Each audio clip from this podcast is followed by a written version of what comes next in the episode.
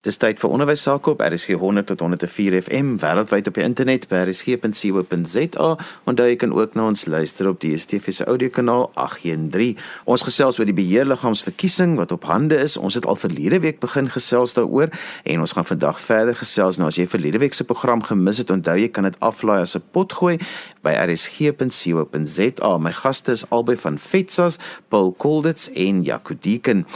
Ek wil sommer by die deur in die huis val oor die beheerliggaamsverkiesing. As ek nou verkies word op die beheerliggaam, kan ek nou by die skool instap en dinge begin regryk, Paul? Ja, dankie Johan, goeiemiddag. Uh, dankie vir die geleentheid en dankie vir die blootstelling veral vir die beheerliggaamsverkiesings wat vir ons so belangrik is. Nee, ek eh, wanneer jy op 'n beheerliggaam verkies word en dit geld vir almal, die opvoeders, die nie opvoeders en die ouers. Die eerste ding wat jy uit jou kop uit moet kry is dat jy 'n bepaalde gemeenskap of 'n bepaalde kieskollegie verteenwoordig soos ek verteenwoordig met die ouers op die beheerliggaam. Nee, jy het een rol en dit is om die beste belange van die skool te bevorder en almal behoort daardie belang op die hart te hê. So die feit dat opvoeders vir opvoeders stem, nie opvoeders vir nie opvoeders, ouers vir ouers, dis net 'n metode om seker te maak dat al die belanghebbendes wel betrokke raak, maar uiteindelik wanneer jy binne die beheerliggaam sit, het jy 'n enkele hoed op en dit is die hoed van 'n governor uh en uh, ons kan nie eintlik in Afrikaans praat van 'n beheerder nie. Ons verkies die term governor omdat dit veel meer sê as beheer. So almal dra dieselfde hoed, almal het een belang wat hulle moet dit is die beste belang van die skool. En dan die tweede belangrike ding wat ek wil sê, is dat jy kan nie daaraan gaan met enige agendas nie. Jou agenda is net 'n enkele agenda, dis die beste belang van die skool en uiteindelik die beste belang van die kinders. En dan is dit ook baie belangrik dat 'n mens daar moet ingaan met die regte gesindheid. En daardie gesindheid gaan ons praat van 'n uh, deegsame kringloop van respek, vertroue en openheid. So ek moet almal respekteer en moet al die ander in die beheerliggaamsrol respekteer. Ek moet hulle vertrou, maar ek moet ook teenoor hulle bewys hulle kan my vertrou. En dan moet ek ons oop wees vir mekaar. Daar behoort nie geheime te wees nie, maar met 'n oop vloei van inligting wees sodat almal op die uit dieselfde gesangeboek uitvind wanneer ons as beheerliggaam funksioneer. Jaco, kom ons gesels oor die beheerliggaamsverkiesing, die proses. Dit is oor 2 weke van nou af wat skole dit al kan begin doen van die 1ste Maart af. Die huidige beheerliggame se termyn verstryk op die 28ste Februarie. So dit is kritiek dat dinge nou moet begin regloop. So vat ons deur die hele proses. Ek weet daar is al sekere dinge wat al reeds gedoen moes gewees het, maar kom ons gaan deur die hele proses van hoe werk die verkiesing. Ja, Johan, die wegtrekpunt vir elke beheerliggaam en dis die beheerliggaam wat tans nog in beheer is is nog steeds 'n kardinale rol speel in die bepaling van wanneer hierdie verkiesing gaan plaasvind. Dit doen jy natuurlik saam met jou skool se bestuurspan om die beste moontlike datum te kry wanneer die meeste ouers daar sal wees. En dan is daar 'n bietjie voetwerk wat gedoen moet word afhangende in wat watter provinsie jy is, moet jy nou daardie provinsie se verkiesingsproses of dan die verkiesingsregulasies gebruik. As ons gaan afwyk van uh, die tradisionele verkiesingsvergadering, wat bietjie moeilik gaan wees onder COVID omstandighede, dan is daar nou twee ander opsies. 'n Voldagverkiesing of dan die elektroniese verkiesing wat dan ook oor 'n voldag kan plaasvind. Maar indien jy van die die laaste twee wil gebruik maak, gaan die meeste provinsies bepaal dat jy daarvoor moet aansoek doen by die onderwyshoof. So jy gaan eerstens jou provinsiale verkiesingsregulasies moet kry. Dit kan jy kry op Petsa se webblad as jy klik op die verkiesingsskakeltjie in jou provinsie toe gaan en die regulasies aflaai. Dis by www.fetsas.org.za en dan eerstens aansoek doen as jy die datum bepaal het, dan doen jy aansoek vir die verkiesingsproses wat jy dan nou uh, het sy elektronies of voldag. Die tweede belangrike ding is skole, die oomblik wat jy datum bepaal het, moet jy onmiddellik vir jou ouers kennis gee. En ek weet van die skole het verlede jaar al hulle datums bepaal. Dit is in die skoolkalender en almal is al opgewonde oor daardie datum. Maar dan moet jy bemarkingsproses begin om dan uh, kandidate te identifiseer en kandidate te vra om hulle self beskikbaar te stel. Dit is 'n vrywillige proses. Jy word nie betaal as hulle van die beheerliggaam nie. Dis 'n diens aan jou gemeenskap en aan die kinders. Maar die tweede belangrike ding is jy moet genoeg ouers by daardie vergadering kry het sy dit die dag, die voldag of elektronies is en die ouers moet weet waaroor gaan hierdie verkiesing. Hierdie is nie bloot 'n gewildheidskompetisie waaraan ons deelneem nie. Hierdie is die mense wat die verantwoordelike besluite moet neem vir die volgende 3 jaar betreffende beleid, betreffende skoolgeld, betreffende terugvoer aan ons gemeenskap en hierdie mense wat op daardie struktuur sit, is direk betrokke by die aanstellingsproses van die onderwysers wat voor in die klas gaan staan en my kind onderrig gaan gee. So daar's 'n groot verantwoordelikheid wat daarmee gepaard gaan. So ek moet mense gaan kies en vir mense gaan stem wat hierdie hierdie verantwoordelike rol behoorlik gaan vervul soos wat Paul verwys het na in 'n vertrouensposisie kan staan. Dit moet openheid sal kan doen, maar wat ook goeie terugvoer sal bly gee aan die hele skoolgemeenskap. So dit is in kort wat moet gebeur. So daar's 'n statutêre proses wat moet afspeel en dit gaan die skole en die res van die lede van die beheerliggaam wat nou daar is moet toesien dat dit gebeur en dan die bemarking daarvan maar dan ouers wat moet sê ek is bereid om in die volgende 3 jaar in daardie posisie te gaan staan en myself beskikbaar te stel. Nommer 1, nommer 2 myself toe te rus en nommer 3 hierdie baa vir die volgende 3 jaar so goed as moontlik te kan trek. Wil vertel 'n bietjie vir my van die kiesersrol en wie mag deelneem aan die verkiesing, wie mag stem en is dit byvoorbeeld ook so dat as ons twee ouers is dat albei ouers kan stem? Hoe werk daai kiesersrol? Ja, inderdaad, eh, die beginpunt is natuurlik uh dat die skool wel 'n uh, kiesersrol moet saamstel, moet uh, verifieer dat ek wel 'n ouer is van 'n kind in die skool ten einde in die eerste plek genomineer te kan word of dan alternatiefelik te kan stem. Nou die skolewet het 'n definisie van ouers. Nou dit is natuurlik die biologiese ouers of aanneem ouers of wettige voogde van kinders. Uh, dit is die die eerste deel van die definisie. Die tweede deel gaan oor persone wat regmatig wettig sorg het vir kinders soos byvoorbeeld kinders wat in pleegsorg geplaas is en dit sou beteken dat iemand wat nie 'n biologiese biologiese ouer is van 'n kind nie wel vele kinders in pleegsorg kan hy selfs by verskillende skole.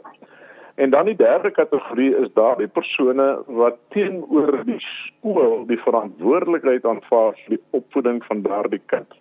Byvoorbeeld, eh uh, ma en pa is oorlede, ouma en oupa sorg vir die kinders. Hulle sal ouma en oupa sal dan kwalifiseer as ouers van die kind as hulle teenoor die skool die verantwoordelikheid onderneem het vir die opvoeding van daardie kinders. Dus alle ouers wat in daardie kategorie val is geregtig om genomineer te word en is geregtig om ook te stem. En hulle name moet almal op die kiesersrol wees. So dag met die verkiesing het dit nou elektronies gebeur of by, by wyse van 'n fisiese teenwoordige stemmery dan word die name van persone soos hulle hulle stemme uitbring afgemerk op die kiesersrol. Presies maar net soos wat gebeur met die nasionale en provinsiale verkiesings. Jaco, hoe maak ons met graad R ouers en buitelanders? Ja, dit is baie interessant die graad R. As 'n graad R klasie gekoppel is aan 'n openbare skool, dan is dit die normale verkiesing wat daar sou plaasvind. Maar ons weet baie van die kleuterskole het ook 'n graad R klasie. Nou dan moet jy gaan kyk is hierdie 'n totaal privaat instelling, met ander woorde is 'n onafhanklike skool of is daardie komponent van jou skooltjie of van die gemeenskapskool se graad R dan eintlik al reeds deel van die openbare skool. Nou as hulle deel is van die openbare skool, dan gaan daai graad R groepie se ouers alleen dan nou 'n verkiesing hou onder hulle span by daai kleuterskool.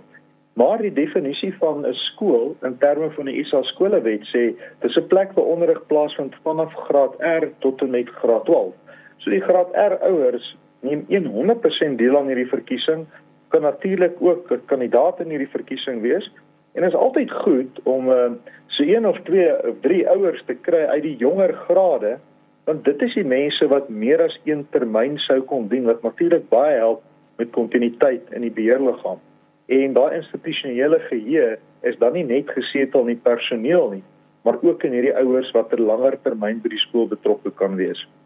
Paul, daar's baie keer angs by ouers om op 'n beheerliggaam uh, hulle self verkiesbaar te stel want hulle dink hulle weet nie wat hulle gaan moet doen nie. Hulle is bietjie bang want hulle ken nie die onderwyswet nie, maar dis eintlik 'n onnodige vrees. Ja, dit is absoluut onnodige vrees. Kyk, daar is bronne beskikbaar eh, by die skool self natuurlik en dan by FETSAS. Ehm um, ek meen ons het uh, oor baie jare oor elke denkbare aspek van skoolbeheer en bestuur dokumentasie beskikbaar. So daar's geweldig baie goed beskikbaar en dan gaan ons ook vanaf middel Maart met 'n omvattende intensiewe induksieprogram begin vir nuwe lede van beheerliggame om hulle met die kennis toe te rus. So jy hoef nie met kennis daarin te stap nie. Daardie kennis sal jy verwerf as jy belangstel om dit te verwerf. Die hulpbronne is beskikbaar. Die hulpbronne is by ons beskikbaar. Die advies is by ons beskikbaar en dit is landwyd beskikbaar. Dit is ook Jaco het reeds verwys na ons webwerf www.feitsas.org.za. Daar is ongelooflike bronne daar beskikbaar wat jy in al jou termyne saam op 'n beheerliggaam nie uitgeput gaan kry as jy dit begin lees nie. Maar die, die feit van die saak is jy hoef nie daai kennis te hê as jy instap nie. Ek sou sê die belangrikste deel van uh, jou toesting wat jy moet hê is gewoon lewenswysheid. Gewoon lewenswysheid en 'n positiewe gesindheid om 'n bydrae te lewer en 'n verskil te maak. Dan al klaar is die stryd 3 kwart gewonne. Daardie kennis kan jy by ander plekke kry. Dit is beskikbaar. Ek wil bietjie by julle uitvind oor julle gebruik terminologie soos verkiesingsvergadering en dan voldag verkiesing. Verduidelik 'n bietjie meer net van daai terme dat mense presies verstaan veral wat bedoel word met 'n verkiesingsvergadering en wat die verskil dan is tussen dit en 'n voldag verkiesing. Verkiesingsvergadering is presies dit wat die woord sê. Dit is 'n vergadering waar mense moet bymekaar kom by die skool gewoonlik in die skoolsaal op 'n bepaalde tyd en waar ons dan in 'n vergadering stem. Nou die stemmery kan by hand opsteek wees of by wyse van 'n verkiesingsbriefie. En baie jare is dit maar hoe ons vergaderings gehou het en dit was in baie gevalle die enigste opsie geweest. Maar eh, 'n uh, enkele vergadering het natuurlik sy beperkings deurdat ek daardie dag dalk kan werk of nie beskikbaar is nie of om een of ander rede nie kan opdaag nie en dan ek eintlik dan my stem verloor te kan deelneem aan die verkiesing. En dit was nog voor Covid. Nou Covid het ook vir ons 'n paar ander uitdagings gebring, die hoeveelheid mense wat bymekaar mag wees en natuurlik die risiko's van groepe. En daarom het ons dan nou uh, die voldag verkiesing as 'n opsie in party van die provinsies was 'n voldag verkiesing op baie lank deel van die verkiesingsproses. En die voldag is presies wat dit sê. Ek kan die voldag gebruik om te kom stem. So voor daardie voldag word mense genomineer en as die kandidaate dan nou se name is bekend en ek gaan bloot daardie dag na die skool toe en ek bring my stem uit. So vroegoggend as die kinders gaan aflaai kan een ouer stem en as die ander ouer hulle gaan oplaai of na werk kan ek goue draaitjie by die skool maak en vir die kandidaat gaan stem. Nou dit het natuurlik geweldig baie gehelp dat meer ouers kan deelneem deur aan die voldag verkiesing te kan deelneem. Maar hierdie jaar is daar dan nou die addisionele opsie wat die elektroniese opsie is want met 'n dag vir met 'n vergadering moes ek fisies daai ure beskikbaar wees om by die skool te wees. Met 'n voldag moes ek nog steeds daardie dag by die skool kon uitkom fisies, maar met die elektroniese verkiesing maak nie saak waar ek in die land sit nie. As ek 'n ouer is, dan kan ek my reg uitoefen om daai verkiesing deel te neem. Dus my naam op daai verkiesingsrol verskyn, die kiesrol, kiesers eh, stemlys verskyn dan kan ek uh, deelneem en ek kan my stemmetjie uitbring waar ek ook al is. En as ek nou nie toegang het tot tegnologie nie, dan gaan die skool fasiliteit by die skool beskikbaar stel met ondersteuning om jou te help om dan jou stem te kan uitbring wat dan geen na die skool toe moet gaan. So ek dink dis drie lekker opsies. So niemand het nou 'n verskoning om te sê ek kan nie daar uitkom of ek weet nie hoe werk tegnologie of ek werk nie. Nou skep dit die kans dat jy 100% verantwoordelikheid vir jou kind en jou skool kan vat deur te gaan stem. 'n Ander woord wat nogal belangrik hier is en dit kan die hele verkiesing ondermyn, is die feit dat daar moet 'n quorum wees. Verduidelik gou vir ons die impak wat dit op die verkiesing het. Ja, kyk, ehm um, die, die probleem in die verlede en nog al die jare was die lae stem te persentasie wat ons by skole behaal Nou nie alle skole nie, sommige skole doen nogal goed daarmee en baie moeite in die verlede gedoen om dit vir ouers makliker te maak om te stem en meer ouers by die stembuis te betrek. Maar die uh, provinsies het in hulle regulasies die meeste van hulle 'n vereiste dat 'n 15% quorum moet wees. Weskaap se was altyd 10%. Ons weet nou nog nie wat hulle vir die jaar gaan bepaal nie. Dis eintlik skandalig om te dink dat uh, jy by wyse van wetgewing ouers moet dwing om bo 15% stempersentasie te behaal. Dis nou die quorum om 'n wettige verkiesing te kan hê. Dis die quorum vereiste. So as jy nie 15% van die ouers op die kiesersrol kry het om te stem nie, dan beteken dit die verkiesing is nie geldig nie, dit moet uitgestel word. En dan is die probleem by die volgende geleentheid is daar geen quorum wat geld nie. Letterlik 2 of 3 mense kan opdag en vir 'n volle beheerliggaam stem en die gevaar daarvan is natuurlik van selfsprekend. Maar dit is basies die quorum uh, en waar die quorum vereiste inkom. Ons pleidooi is dat ouers moet gaan stem dat daardie quorum van 15% eintlik in die niet verdwyn as gevolg van die hoë stempersentasie by ons skole. Dit wys dan dat die, die gemeenskap, die ouer gemeenskap in besonder regtig verantwoordelikheid aanvaar, nie net vir hulle skool nie, maar in veral vir die opvoeding van hulle eie kinders.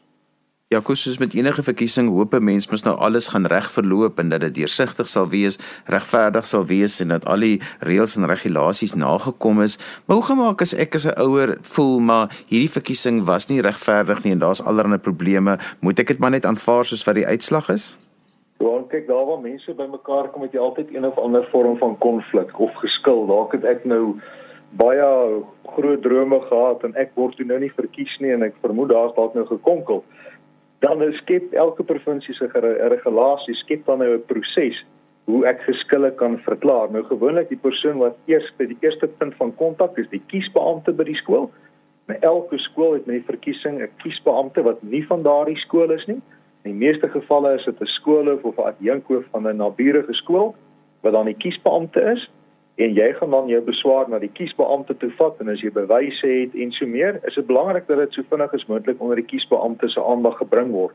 Verkieslik nog dieselfde dag, maar die provinsie se regulasies gaan bepaal binne watter tydraamwerk die geskille aangemeld moet word en hoe vinnig dit hanteer moet word uit die aard van die saak binne die skool het ons nou nie tyd om ou koeie uit die sloot te gaan grawe vir vorige verkiesings nie. So daar gaan 'n kort tydperk wees.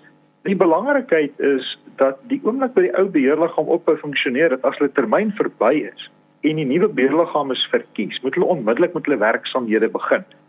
So indien daar 'n geskil is, gee dit so vinnig as moontlik deur vind uit of is dit 'n geskil of 'n misverstand en of was daar werklik waar korrupsie of onkoopbaarheid onreëlmatighede gewees en as dit so is dan moet die proses behoorlik uitspeel maar ek dink in baie gevalle moet ons ons as ouers ons net mooi vergewis van hierdie proses werk en as ek dit verstaan dan kan ek dalk makliker ook uh, onreëlmatighede optel en dit dan so gou as moontlik deurgee. Onthou ook in 'n openbare skool is ons almal vir daardie skool verantwoordelik, want dit is tog in ons gemeenskap. So werk saam dat ons hierdie verkiesing so effektief, doeltreffend en regverdig as moontlik kan laat plaasvind, want dit gaan tog oor ons kinders in die gemeenskap. Wel, dit gaan swaar met ons mense, mense kry finansiëel ook swaar. As my skoolfonds byvoorbeeld nou nie op datum is nie, kan ek nog steeds staan vir die beheerliggaam of kan ek nog steeds gaan stem? Ja, kyk soos ek vroeër verduidelik het, as jy nou staan vir die ouer komponent, al wat bepaal of jy kan deelneem, sê as kandidaat of as stemgeregtigde is bloot of jy resorteer binne die definisie van ouer. Daar's geen ander beperkings soos byvoorbeeld die feit dat jou skoolgeld nie betaal is nie. Dit sou sleg wees as jy op 'n beheerliggaam dien van 'n skoolgeld betaal in 'n skool en jou eie skoolgeld is nie betaal nie en jy het nie aansoek gedoen oor inkomste die regulasies vir vrystelling van betaling van skoolgeld vir die vrystelling van skoolgeld nie dan kan daar goeie vraagtekens wees oor jou lojaliteit en gesindheid teenoor die skool. So daar's nie beperkings nie, daar's wel beperkings wat in die regulasies vervat is. Tipies beperkings wat so geld ook by direkteurskappe van maatskappye, soos byvoorbeeld jy is 'n ongerehabiliteerde insolvent of jy dien tronksstraf uit as gevolg van 'n misdryf, sulke tipe van uh, beperkings wat daarop geplaas word maar nie 'n beperking ten aansien van jou ouerskap nie. Net so ten slotte, ek weet FETSAS het 'n klomp inligting op die webwerf soos julle alreeds gesê het wat mense kan gebruik, maar julle bied ook opleiding aan na die verkiesing van die beheerliggaam. Net so ten slotte, Jaco, wat gaan gebeur na die verkiesing en hoe kan skole dan daarbey aansluit? Ja, Johannes, kern belangrik dat as ek nou uh, verkies is deur my skool, dan moet ek toegerus word om daardie werk te kan doen want ek is onmiddellik aanspreeklik en verantwoordelik wat by die skool gebeur. So die eerste stap is om weer eens na ons webblad toe te gaan en te gaan kyk wanneer is die eerste opleidingsgeleentheid. Nou dit gaan digitaal plaasvind so die afskop was 3 afskoppe so afhangende wanneer jou verkiesing plaasvind kan jy inskakel by die eerste daaropvolgende geleentheid. Ons begin middel maart met die opleiding. Die deel 1 waar die hele beheerliggaam bymekaar kom hopelik gebruik ons die skool. Die beheerliggaam kom bymekaar natuurlik binne die COVID protokolle en die beheerliggaam as groep woon saam FETSA se induksie oor skoolbeheer of dan nou school governance by en het die bespreking en verstaan waarvandaan kom ons. Die volgende aand is daar dan 'n sessie by die skool wat ons noem 'n skoolspesifieke induksie oor skoolbestuur waar die skole van sy bestuurspan dan vir al die nuutverkose lede van die beheerliggaam 'n inleiding gee oor hoe werk die bestuur, wie is vir wat verantwoordelik, hoe lyk die begroting ensovoorts.